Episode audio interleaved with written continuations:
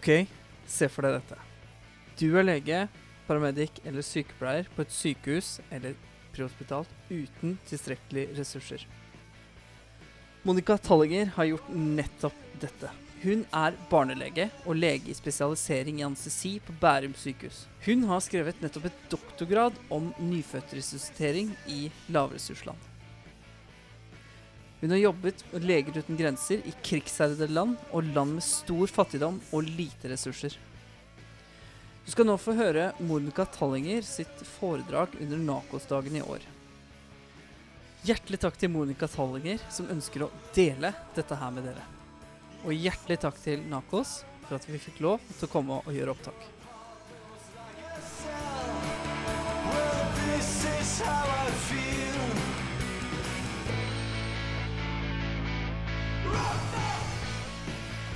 I 1990 så satte FN sammen med verdensledere ned det som heter Millennium Development Goals, hvor eh, nummer fire var å senke barnedødeligheten med to tredel innen 2015. Når man kom til 2015 og skulle telle opp, så hadde man ikke nådd det målet. Eh, det var først og fremst pga. at man ikke hadde satt inn noe tiltak i forhold til å redde nyfødte som dør i lavressursland. Eh, Den globale byrden av eh, sykdommer hos barn generelt i verden eh, er si, Først og fremst dette her. De aller fleste, eller 44% er nyfødte som dør. Så det at man ikke hadde satt inn tiltak for å minske dødeligheten på nyfødte, gjorde at man ikke nådde disse, mål, disse målene til FN. Men det er en stor andel som dør av pneumoni, av malaria, av diaré, og så er det traumer.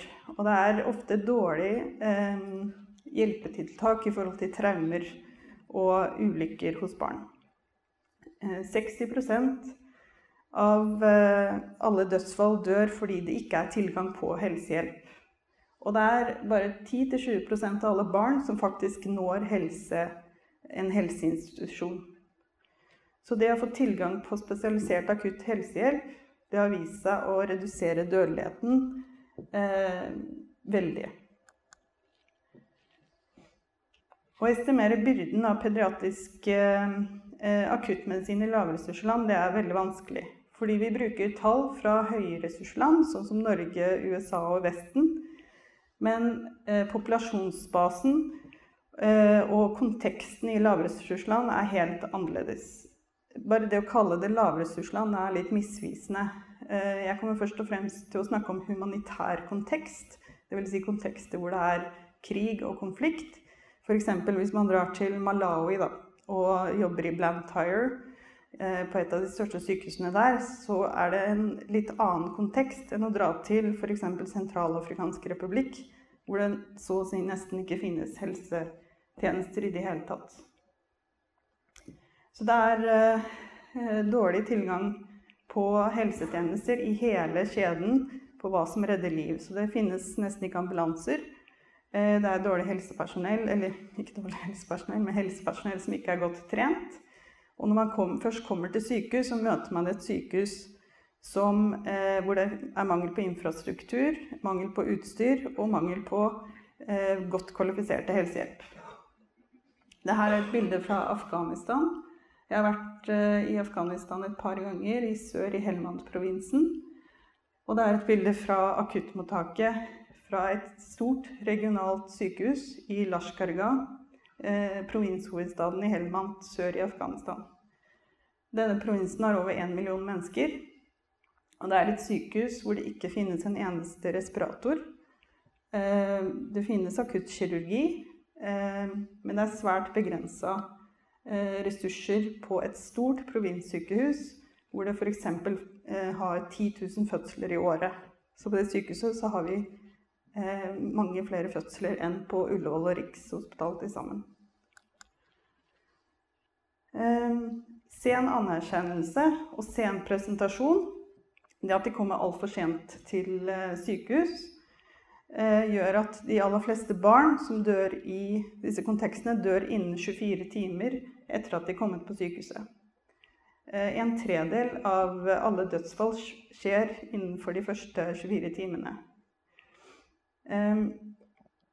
Pga. forholdene som folk bor under, man kan tenke seg når de bor i ekstrem fattigdom, så tar det lang tid å komme seg på sykehuset. Der eh, man har kanskje dårlig kunnskap om sykdom generelt. Og eh, det finnes ikke noe første, eller en dårlig førstehelsetjeneste som eh, allmennleger finnes nesten ikke. Eh, man bruker kanskje tradisjonell medisin, går til bursdoktorer og kommer ofte altfor sent til sykehuset. Så det er en god del utfordringer. Og i områder sånn som i Afghanistan, hvor eh, det er eh, krig og konflikt, så er det også i tillegg det som er en stor barriere for å komme til sykehuset. Eh, I Lashkarga så finnes det ikke noe organisert eh, ambulansetjeneste. Vi har ambulanse tilknyttet til sykehus, men det finnes f.eks. ikke noen telefonlinje man kan ringe. Det er veldig vanskelig i det hele tatt å få den tjenesten og få hjelp. Så folk kommer på, i sin egen bil. Eh, dette er jo et krigsområde hvor det er Taliban. eh, Og eh, de amerikanske styrkene, eller de britiske styrkene er i dette området. Eller var i dette området. Nå har de fleste trukket seg ut. Så det er en del minelagte veier. Og det er sjekkpointer som man må komme igjennom for å komme til sykehus. Så vi legetjeneste gjorde en stor undersøkelse blant alle pasientene, og det var det største barrieren var krigsrelatert hindringer i å komme seg til sykehus i det området. Eh, ja.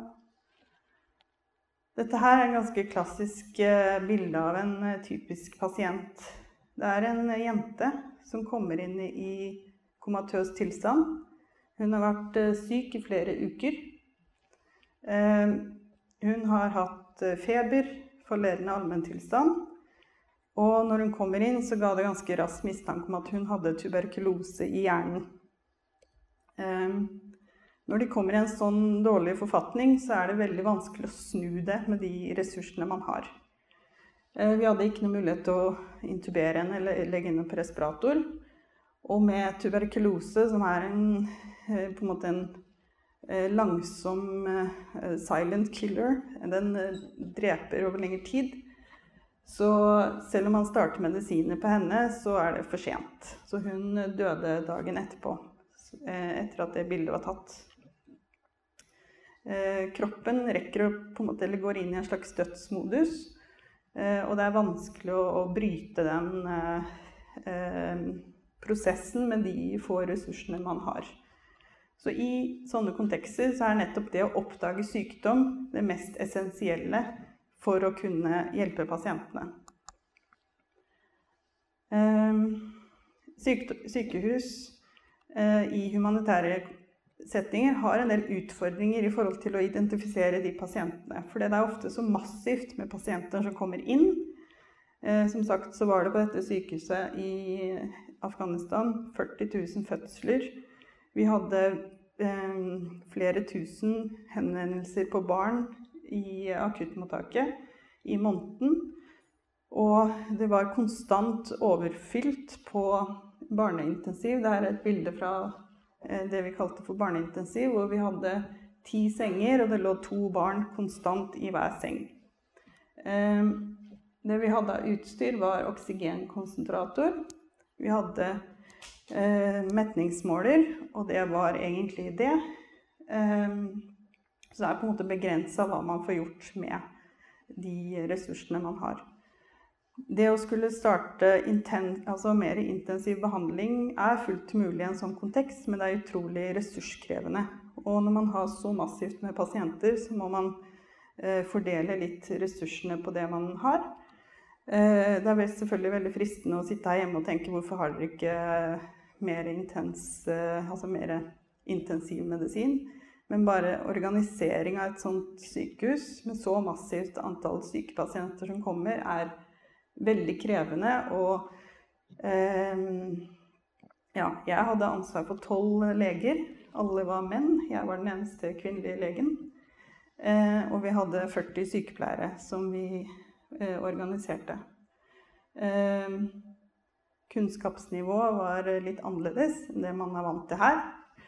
Eh, så det var eh, eh, mildt sagt en utfordring å jobbe eh, med eh, kollegene. Mange var veldig flinke, men det var helt hver dag helt sånn basic ting man måtte ta tak i. Eh, ja, så triasjering i en sånn setting er superviktig, men veldig vanskelig. Eh, skal vi se. Belastning for sykepleierne er eh, stor. Her er det daglig visitt. Det er én lege og to sykepleiere som tar eh, puls og eh, metning og eh, temperatur på alle pasientene. Det sit, dette er kvinner som sitter med babyene sine. Det er nyfødtintensiv dette her. Vi hadde to kuvøser hvor det lå tre babyer i hver kuvøse. Kuvøsene var egentlig eh, ut, Eller de hadde ikke noe stor rolle fordi det var strøm, strømstans hele tiden. Så de eh, på en måte bevarte ikke varmen sin. Eh, og det var mødrene som passa på babyene sine. Eh, det vi innførte, var Dere har hørt om News? Eh, så I eh, pediatri så er det noe som heter Pediatric Early Warning Sign, eller Neonatal Learning Early Warning Signs, som er et eh, overvåkningsskjema i forhold til å fange opp de pasientene som blir dårlige. Og på denne avdelingen her hadde vi 40 dødelighet. Uh, når vi innførte News, så falt det til 20% Så du kan tenke deg nesten halvparten av babyene døde i den, eh, før vi innførte eh, News. Eh, Pews, eller Pediatric Early Warning Sign, ser sånn ut. Jeg tror de som har vært på sykehus her hjemme, har sett det fra I hvert fall på Bærum bruker vi det på voksne. Så da tar man temperatur, hjerterate og respirasjonsrate, og så scorer man ut ifra scoren man får. Gjør man tiltak ut ifra fargekoder grønn, gul, rød, og så på en måte hvor mye videre observasjon og behandling trenger pasienten. Eh, Når det gjelder f.eks. det eller prehospital eh, identifisering av syke barn, så er det endring i eh, barnets tilstand superviktig i forhold til å se om eh, det er deteriorasjon, om denne ungen kommer til å gå kanskje i hjertestans. Så det er eh, det å se at, eh, på barnets tilstand og se om det endrer seg, er eh, superviktig. Eh, å gjøre avansert hjerte-lungeredning på barn i en sånn setting sier seg selv er ganske vanskelig. Du snakket litt om eh, arbeidsforhold. Eh, her er det også veldig dårlige arbeidsforhold. Jeg sitter i senga. Dette var en lita jente som kom inn med supraventrikulær takykardi etter sannsynligvis en infeksjon. Eh, bare en vanlig eh, lunge... Eller vanlig, vanlig en, en lungebetennelse. Supraventrikulær takykardi er jo for så vidt noe vi tenker som ufarlig, egentlig. Men når det har stått i en og en halv dag, og barnet går inn i, i hjertesvikt, eh, så fikk vi ikke konvertert og hun døde. Eh, så det er tatt Her er det EKG med sånne gamle sugepropper. Det var det vi hadde tilgjengelig. Og så er det en eh, defibrillator. Vi prøvde å, å hjelpe henne både med medisiner, de få vi hadde, og defibrillator, men det gikk ikke. Og eh, maskebag, ventilere henne, støtteventilere og oksygen fra en oksygenkonsentrator. Så det er eh, krevende utfordringer, eller krevende kontekst å jobbe i. Og når først eh, barn har fått hjertestans, veldig vanskelig å gjøre noe med, egentlig. Man må gjøre alt man kan før man kommer til den eh, situasjonen. I vestlige settinger så forekommer hjertestans hos barn i 0,7-3 av alle innleggelser på sykehus. Og 2-5% av alle barn som er innlagt på intensivavdeling. I humanitære kontekster så skjedde dette hver eneste dag i Afghanistan, eh, i Sierra Leone, i Syria, eh, i Irak, når jeg jobbet der. Hver eneste dag har vi hatt barn med hjertestans. Eh, De er jo oftest av hypoksisk art, altså at de har blitt så syke av enten sepsis, pneumoni og falt på denne allmenntilstands Hvis man tenker det som en kurve. Eh, hvor de kommer til at kroppen ikke klarer å kompensere. Unger er utrolig dyktige til å kompensere sykdom. Eh, de får hjertepåslag, altså takykardi. Eh, de kan få veldig høy temperatur og klare å tolerere det ganske godt. Men plutselig, de som har jobba med dårlige barn, har sett at det er som å slå av en knapp. Plutselig så raser det ned. De får metningsfall og går i stans. Så de kompenserer veldig godt ganske lenge, og så plutselig skjer det. Eh, Så dette er et daglig, er et daglig fenomen hvis man er ute og jobber ute. Og dette er en stor gutt. Du kan se han er ganske tynn. Dette er også tuberkulose. Eh, eh, gått syk veldig lenge og ikke fått en infeksjon på toppen og klarer ikke kompensere og eh, får da hjertestans. Um, APLS, eh, Advanced Pediatric Life Support, sånn som vi kjenner det her hjemmefra, er ikke tilpassa lavressursland. Så det er ikke tatt inn i uh, beregningen at barna har alvorlig underernæring, at de har sykdommer som tuberkulose og hiv, at de f.eks. kan ha hatt meslinger. Um, og det trengs en litt annen tilnærming til disse barna enn det man har eh, når man har på en måte tilsynelatende friske Du er jo ikke friske når du får hjertestans her hjemme, men eh, uten de andre undertilstandene, da.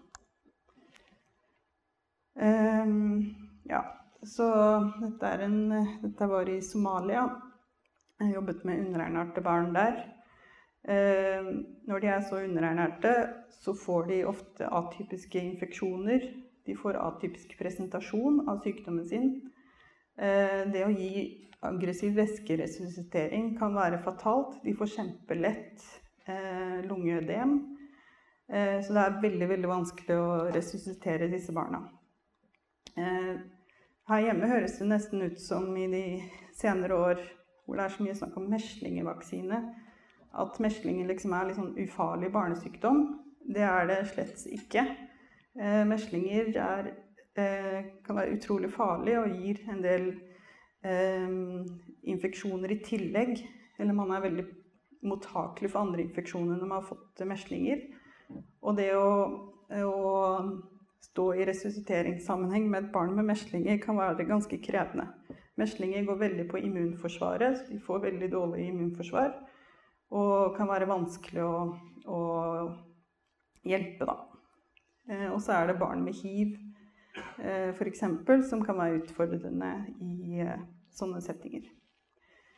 Eh, jeg har lyst til å nevne Ja, for jeg hadde med en referanse her.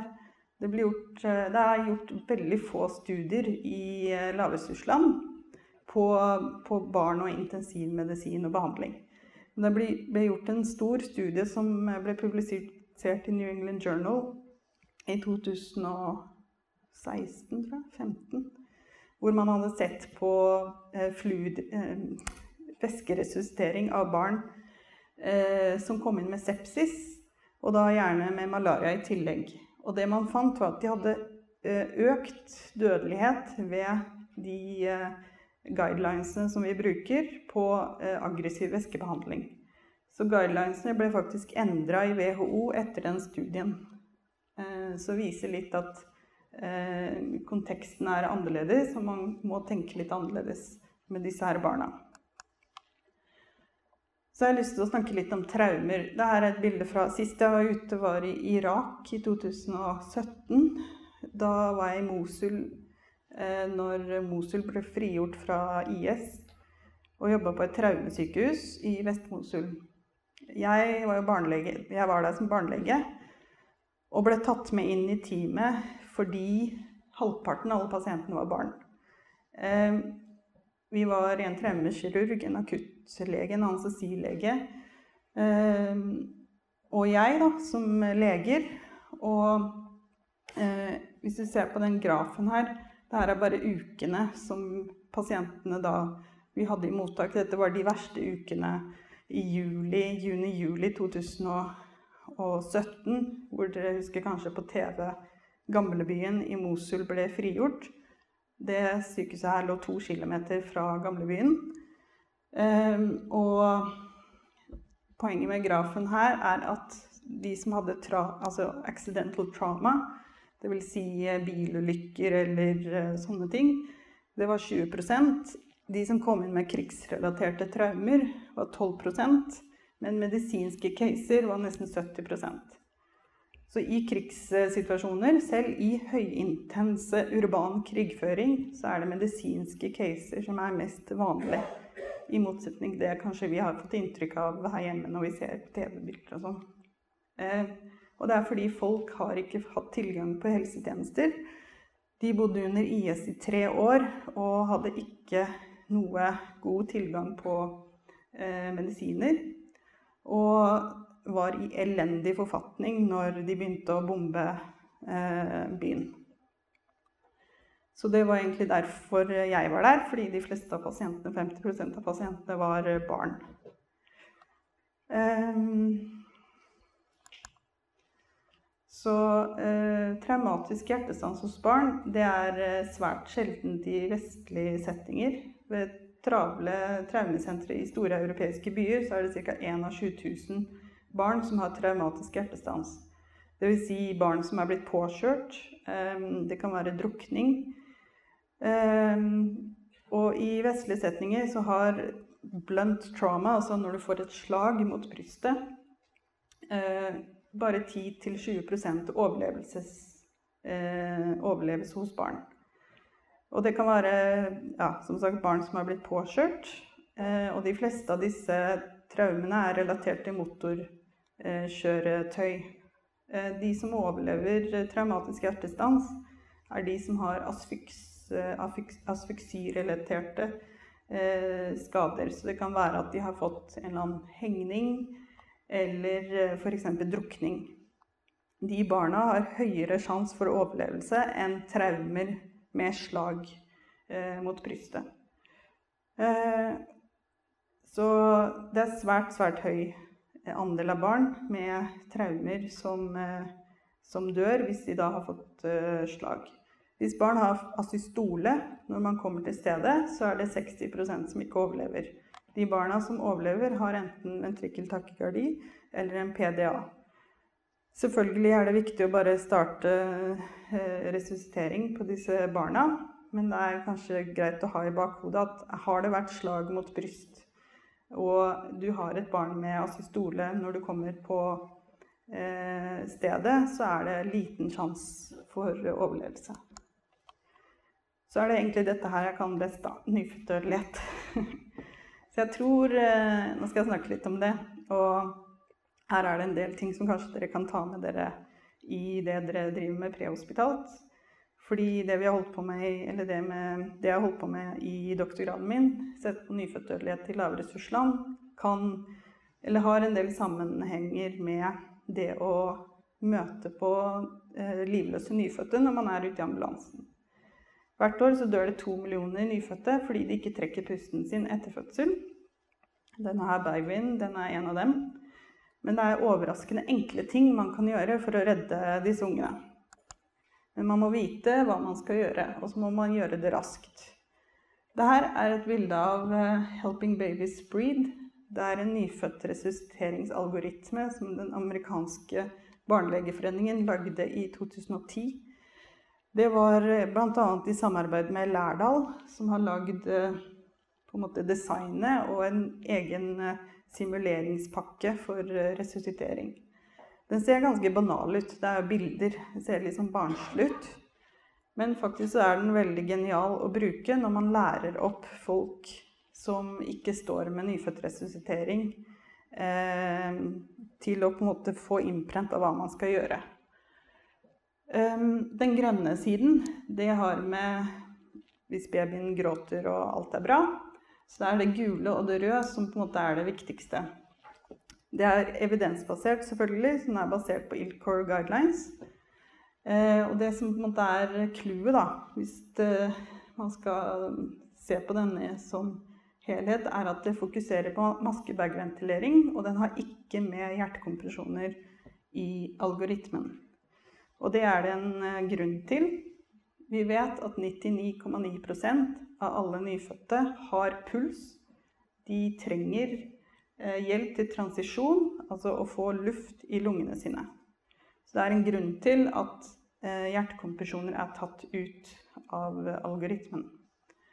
Eh, I det forskningsprosjektet som jeg har vært med på, så har vi sett at stimulering har eh, gjort at eh, nå på det sykehuset i Tanzania, etter at de begynte å stimulere de babyene, så sank dødeligheten med 50 Så rett og slett å bare gni babyen hardt på ryggen og under fotsålene gjorde at babyen fikk stimulus til å trekke pusten selv. Men når babyen da ikke trakk pusten, og man måtte hjelpe dem med å maske-bag-ventilere, det var da vi så at det her var problemer. For det er ikke lett å maske-bag-ventilere en nyfødt. Jeg tror eh, hvis noen av dere har stått på en ordentlig sånn nyfødt som ser død ut når den kommer, hvit i fargen, helt slapp, ingen muskeltonus, og du begynner å bagge, maske-bag-ventilere, så er det unnskyld uttrykket, dritvanskelig å få luft i den ungen. Grunnen til det er at man må vite litt om fysiologien. Når babyen ligger inni magen, så er det væskefylte lunger. Hvis ikke babyen trekker sitt første pust og skriker, så får ikke lungene luft. Og det er fortsatt væske i de lungene. Når man da skal begynne å bagge med overtrykk, må man åpne lungene og skvise den væsken ut i vevet. Eh, så man må tenke litt annerledes. Det er ikke HLR som på voksne, eller barn for så vidt, som allerede puster og har luftfylte lunger.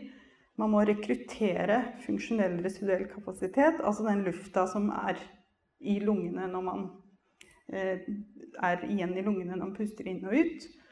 Og det kan være kjempevanskelig på nyfødte som ikke har liksom skreket og fått en stimuli. Så maskebergventilering er kjempeviktig og, men også det vanskeligste man gjør. Da. Og det er egentlig grunnen til at man har tatt ut hjertekompresjoner av de internasjonale guidelinesene for lavressursland. Fordi man har sett at man redder så mange flere babyer ved bare å fokusere på eh, ventilasjon og ta bort forstyrrende element ved å begynne å komprimere. Ofte er det sånn at man komprimerer altfor tidlig. Man er stressa, man har kanskje lært HLR på voksne, og man vil gjerne gjøre noe. Man setter alle klutter inn og starter å komprimere før man har eh, rekruttert eh, luftveiene. Og da Når man da først skal begynne å, å bagge, så kan dere tenke dere er svært vanskelig å få luft i ungen når man komprimerer tre til én. Så det er kanskje noe å ta med dere hjem hvis dere noen gang havner i en fødsel og ungen ikke puster. Bag, ventiler, ventiler, ventiler eh, og ventiler. det var egentlig det jeg skulle si. Jeg håper ingen var skuffa at jeg ikke hadde, med noen sånn HLR-algoritmer for barn og sånn. Eh, det var kanskje det som var litt forventningen. Men eh, nå har dere i hvert fall sett litt hva som skjer ute i den store verden, og hvor utfordrende det kan være å jobbe der. Takk for meg.